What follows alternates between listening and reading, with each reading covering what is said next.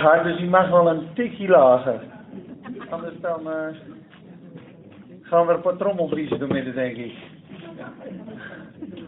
Hartelijk welkom allemaal. Goedemorgen, geweldig dat er zoveel zijn. Jan, goedemorgen. Ik zie Elisabeth from Utrecht. welcome from Ghana. Ja. I love you. God bless you. En haar man is Bert. Ik heb haar op de markt ontmoet. En wij praten altijd over de Heer. En ik ben een keer naar hun toe gegaan. In, in uh, Utrecht. En dat is een Afrikaanse kerk. En daar bidden ze gewoon uh, 10, 12, 14, 20 uur achter elkaar soms. Die houden van gebed en die gaan maar door. Dienst vanmiddag is van 1 tot 5, maar ze gaan gewoon tot 7 uur door als het moet. En dat is toch wel heel bijzonder. Daar kunnen we nog wat van leren als Nederlanders. Want wij vinden een uur bidden, vinden we al zwaar. Maar ik zou je zeggen, als het vuur gaat branden en de machine gaat lopen, dan wil je niet meer stoppen. Dat is echt gebed. En uh, verder ook hartelijk welkom, Veriel en Joël, ontmoet op de markt. Ja, AG en Volkert die uh, namen het stokje over, die hebben bij jullie thuis uh, gesprekken gevoerd. En vandaag word je gedald. En mijn vader natuurlijk, Wout Ja, wat een dag. Prijs Heer, we gaan bidden.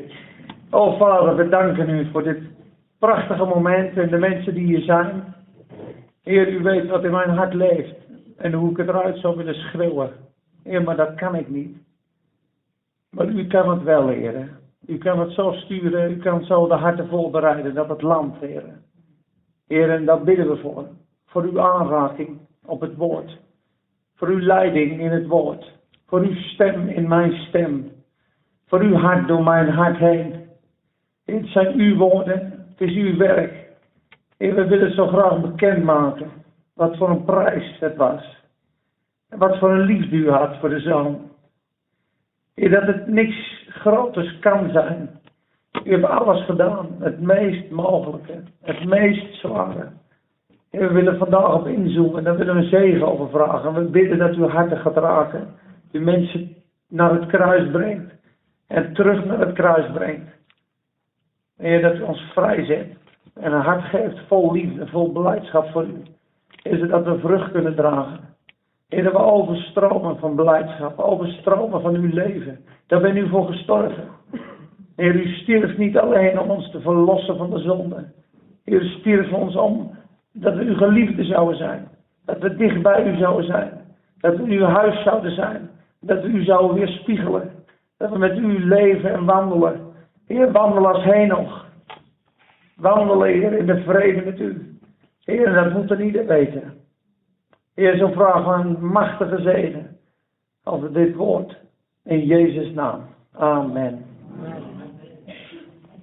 We beginnen bij de simpelste tekst, die de diepste is, die de bekendste is van de hele Bijbel. Johannes 3, vers 16. Hij is simpel, maar dit is de meest diepe van de hele Bijbel en ook de meest bekende. En hij is zo bekend dat je er dan overheen zou lezen en denkt, die ken ik al. Zonder er ooit eens echt diep op in te zoomen. Het gaat niet dieper als Johannes 3 vers 16. Het gaat niet dieper. Ik probeer zoveel mogelijk de Statenvertaling te lezen, omdat ik dat mooi vind. Als het heel moeilijk wordt, heb ik een nieuwe uh, herziening eronder liggen. Dus We beginnen in hoofdstuk 3, vers 16. Want al zo lief, al zo lief, heeft God de wereld gehad. Dat hij zijn enig geboren zoon gegeven heeft. Opdat een ieder die in hem gelooft, niet verloren gaat, maar het eeuwig leven heeft. Dan bladeren we verder, Romeinen.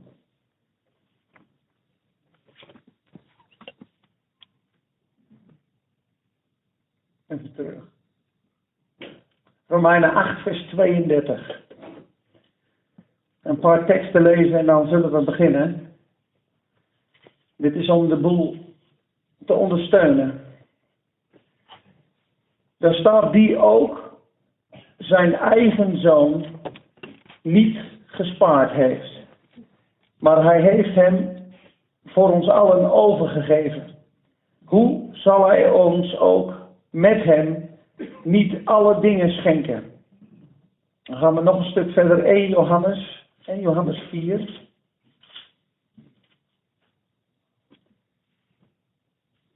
Vers 9 tot 11.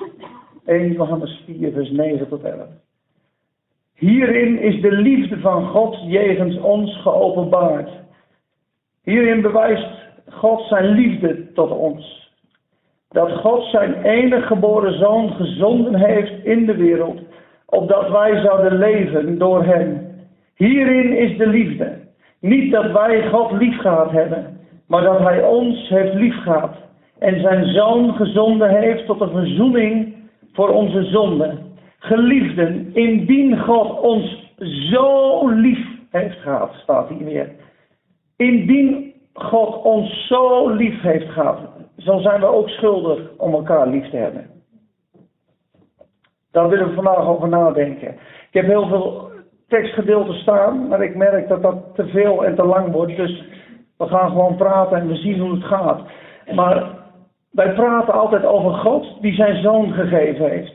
Maar de diepte van de zoon is de diepte van zijn liefde voor ons. En als we dus weten en beseffen wat het God gekost heeft, dan beseffen we dus wat zijn liefde voor ons is. Hierin is de liefde onderkend en verstaan naar ons toe. Dat hij zijn enige geboren zoon gegeven heeft.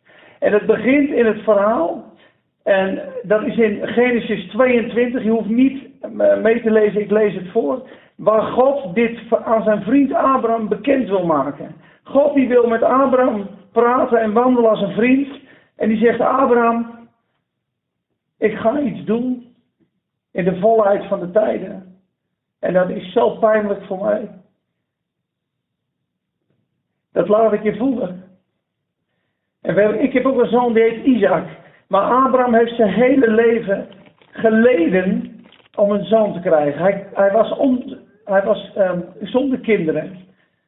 En Sarah, haar baarmoeder was verstorven. En ze gingen niet meer naar de weg van een man en van een vrouw. En na 14 jaar had hij Hagar. Na 11 jaar had hij Hagar. Na 14 jaar kreeg hij Isaac. Eindelijk had hij Isaac. Isaac betekent mijn vreugde. Het welbehagen van mijn hart.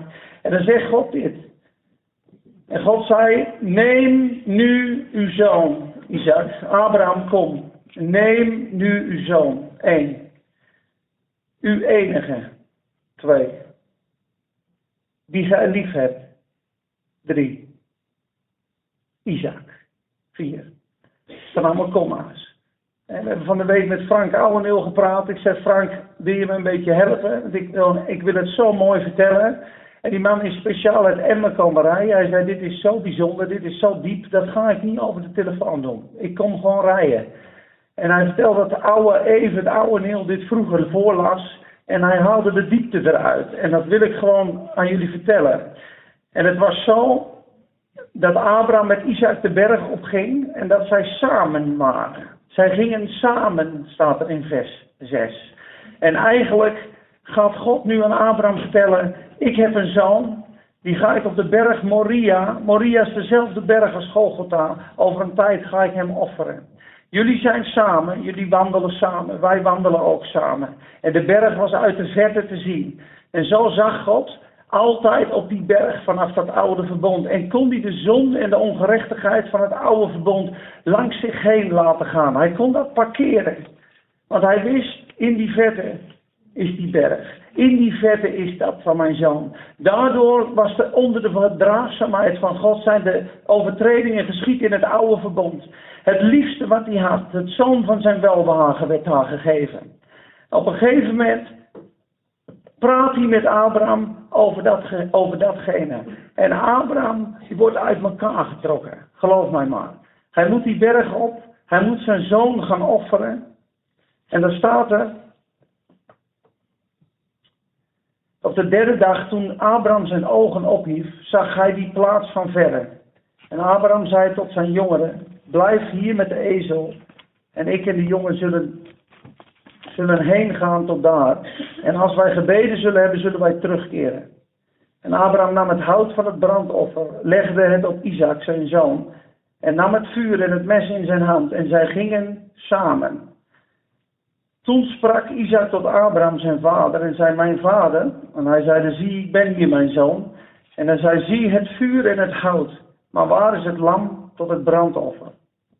En Abraham zeide, God zal zichzelf een lam ten brandoffer voorzien, mijn zoon. Zo gingen zij beiden tezamen.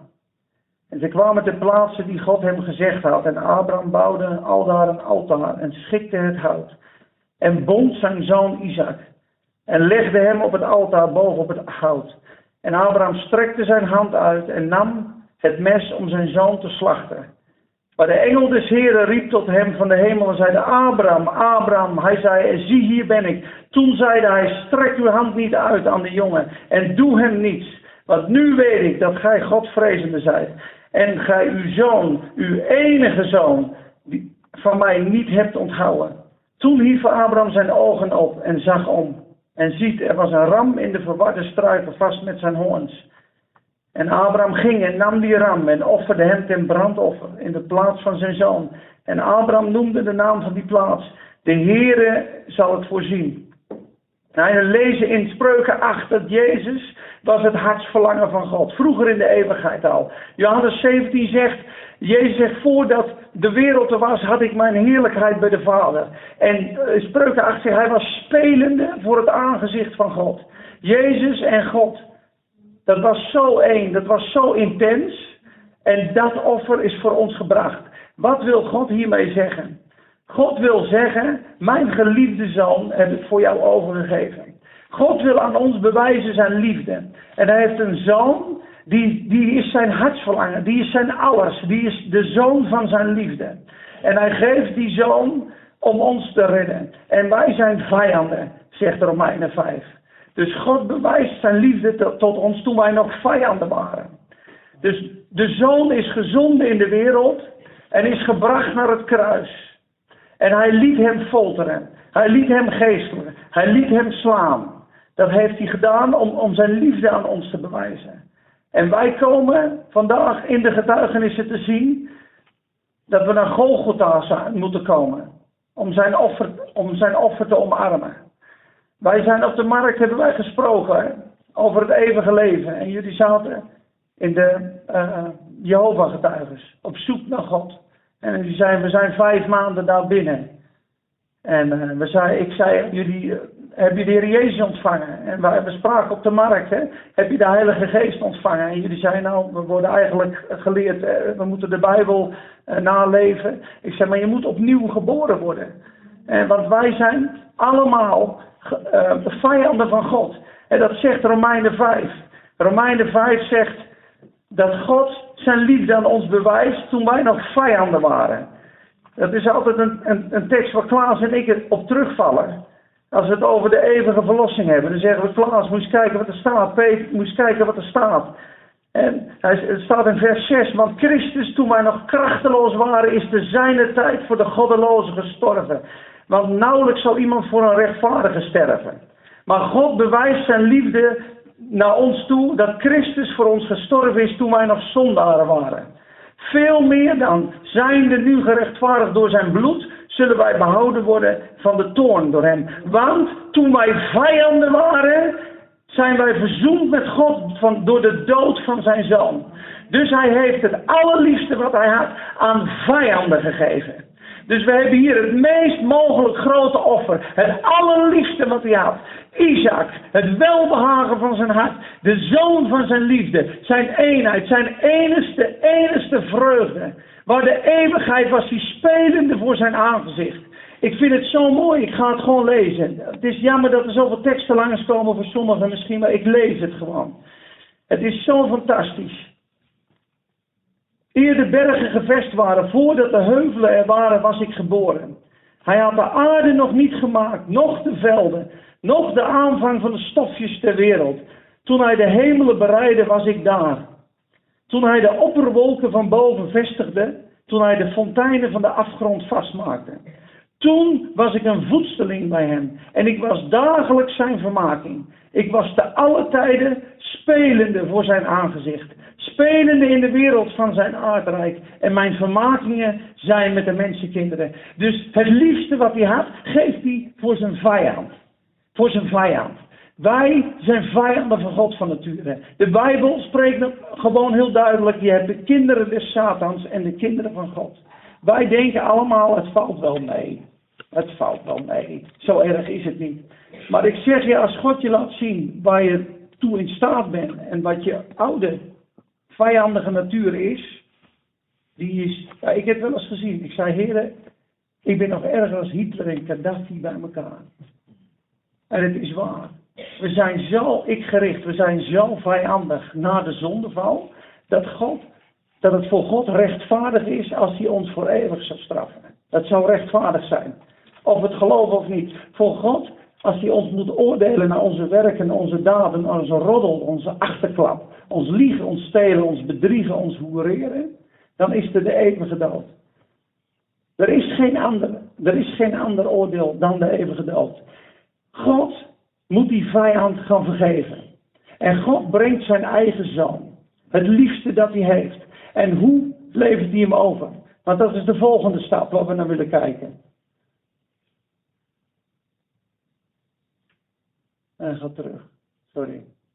Hoe lief had God ons? Hij gaf het beste wat hij had. Wat gaf hij? Hij gaf de zoon van zijn liefde. Hoe gaf hij? Want hij had ook zijn zoon kunnen geven en dan had hij met het zwaard gedood geworden. Maar het hele leven van Jezus, hier komt de liefde van de zoon ten tonele. Hij gaf zijn, zijn eigen leven voor ons. En hij, vanaf het begin van de kribbe tot aan het kruis, dat leven van Jezus, heeft hij voor ons geleefd. Alles wat hij deed ten goede wordt ons toegerekend in het offer van Golgotha. Dat is de andere kant van het kruis. En iedereen die hier dat water in gaat, zegt eigenlijk vandaag dat oude bestaan van mij, dat is op Christus gekomen. En dat nieuwe bestaan, alles wat Christus was, is op mij gekomen. Nu rekent de Zoon de gerechtigheid van de Christus aan jou aan. De rechtvaardige die voor de onrechtvaardige gekruisigd is. Om ons tot God te brengen, zegt 1 Petrus. 1 Petrus 3. Jezus leven is ons toegerekend. Zijn leven en zijn sterven. Alles wat hij deed op de weg naar Golgotha toe, vanaf Gethsemane tot aan het kruis, toen hij bad, Heere kan deze drinkbeker mij voorbij gaan.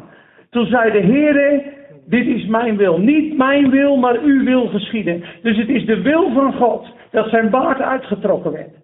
Het is de wil van God dat hij gegezeld werd. Het is de wil van God dat hij gefolterd werd en naakt aan een kruis gehangen werd. Je kan het lezen in Psalm 22.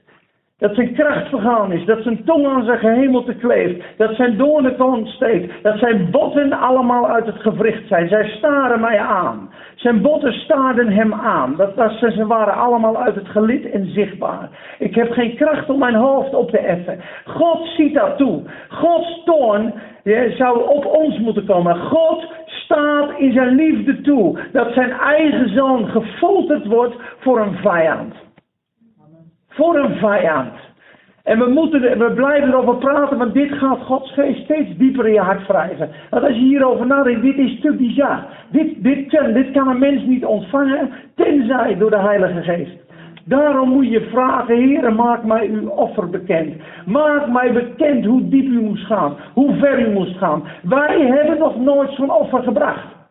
En daarom maken we in ons leven soms dingen mee die pijn doen om dat offer te laten voelen. Om dat offer te onderkennen. Iemand die nooit geen storm heeft. Iemand die nooit aan een graf gestaan heeft. Iemand die het nooit moeilijk gehad heeft. Kan niet eens weten wat dit betekent. Er zijn hier mensen die hebben dierbaren verloren. Die weten hoe het voelt om een dierbare te verliezen. En dat wou hij aan Abraham laten zien. En dat wil hij meemaken. En daarom hebben wij situaties in het leven. Alles is ingesteld om dat offer op ons hart te wrijven. Het is niet een leerstelling en een doctrine en een paar teksten. Ik kan je voorlezen, dat kan iedereen. Het wordt nooit reëel en echt. Tenzij de Heer het aan je hart bekend maakt. Tenzij je in de nood ziet. Oh Heer, hoe diep bent u gegaan voor mij. Wat een geesteling. 39 klappen. Wat een doornenkroon. Op een gegeven moment wordt hij gefolterd. Hij wordt bij Herodes gebracht. Ze brengen hem met een ganse legerbende. En slaan met de rietstok de doornkroon in zijn hoofd. En vernederen hem.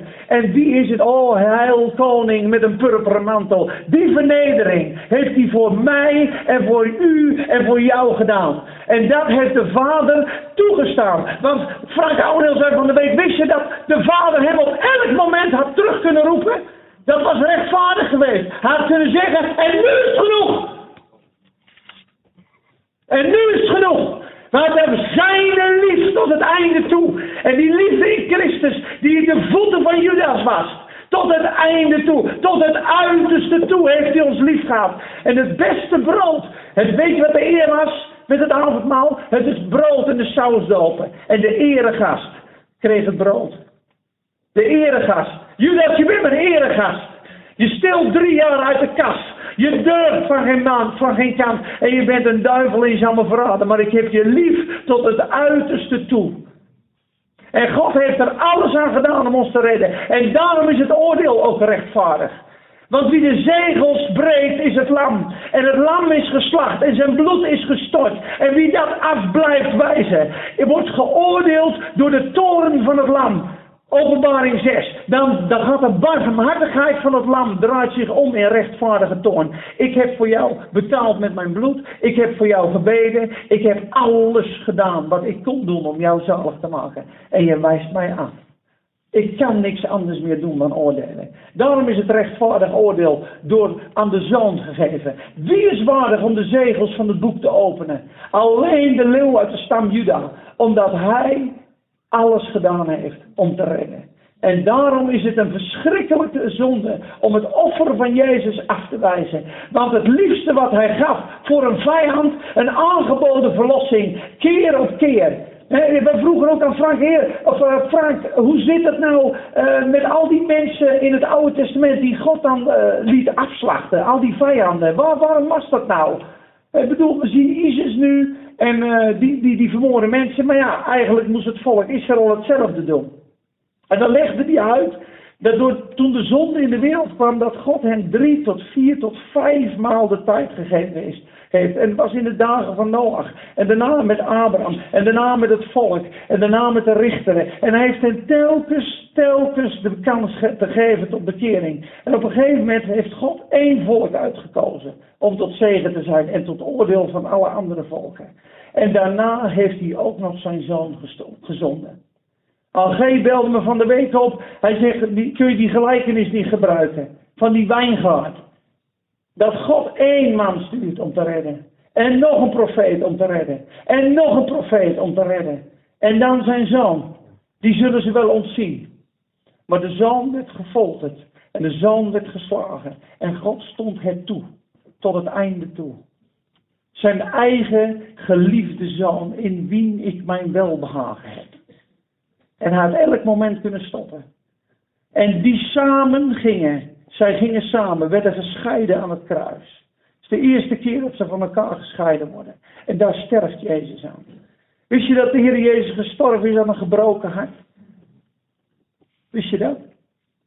Het bloed liep nog uit zijn zij en zijn beenderen werden niet gebroken. De andere moordenaars leefden nog. Dan sloegen ze die scheenbenen kapot.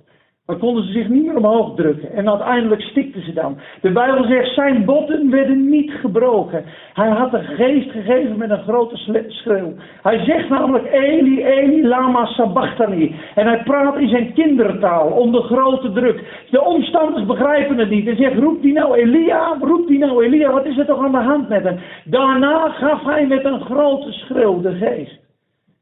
De godverlatenheid de scheiding tussen vader en zoon deed zijn hart breken en deed hem sterven. En die verwijdering is onze aanhechting. En in het kruis wordt alles omgedraaid. Alles wordt omgedraaid. Dus de verlossing, die striemen, worden onze genezing. Zijn kroon wordt ons, zijn doornenkroon wordt onze zegenkroon.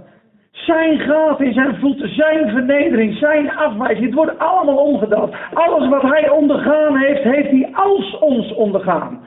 Dus voor God is het rechtvaardig om Klazien of niet, of wie dan ook, te zegenen en te zegenen en te zegenen. Want je bent rechtensvrij van de zonde. Want als Jezus, Jezus deed het als Klazien. Als Klazien ben ik gefolterd. Als Klazien ben ik afgewezen. Als Klazien ben ik gestraft. Als Klazien ben ik gestorven. Dus voor God is dit allemaal geschied. En er is gestraft en er is ten volle betaald voor de zonde. De toren van God. Het is niet, ik ik, ik zie het door de vingers. God toont ten volle op de zoon. En nu is het afgedaan met de zonde. En nu is het vrede. En dat heeft me mijn zoon gekost. Het heeft me mijn alles gekost. En ik wil dat je het beseft. Lieve Isaac, het welbehagen van mijn hart heb ik voor een vijand gegeven. En die vijand, die maak ik erfgenaam. En die erfgenaam maak ik een zoon. En ik leef altijd om voor hen te bidden. Want ik wil dat je aankomt tot de plaats van heerlijkheid. Want het plan gaat dieper. Want ik maak je mijn dochter, ik maak je mijn bruid, ik maak je mijn geliefde en ik maak je mijn stad. En ik kom tot alles. Er is geen andere mogelijkheid voor God geweest om iemand meer lief te hebben. Het is ongelooflijk het diepste wat je had voor de grootste zondaar met de rijkste zegen. Het is onmogelijk om meer te zegenen, om meer lief te hebben. Zo diep is de Heer gegaan. En ik heb gezien in Ameland, toen ik aan het vasten was, de rechtvaardigheid Gods op mij en mijn zonde op hem. En toen, ik was op een gegeven moment in een stil moment.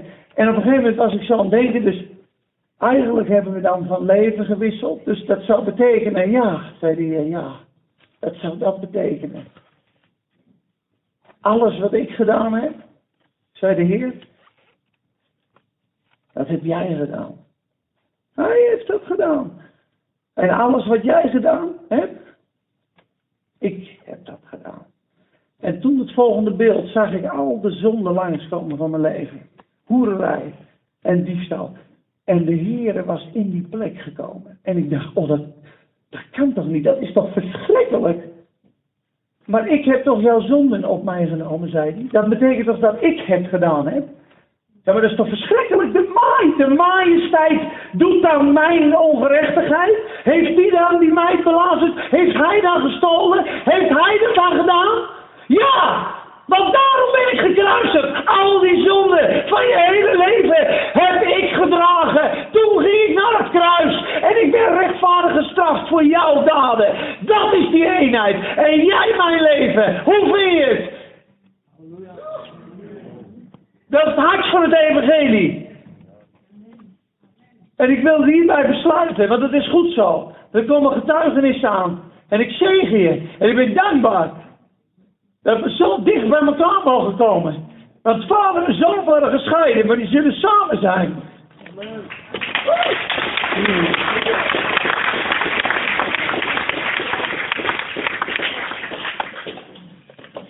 Amen. Amen. Amen. Halleluja.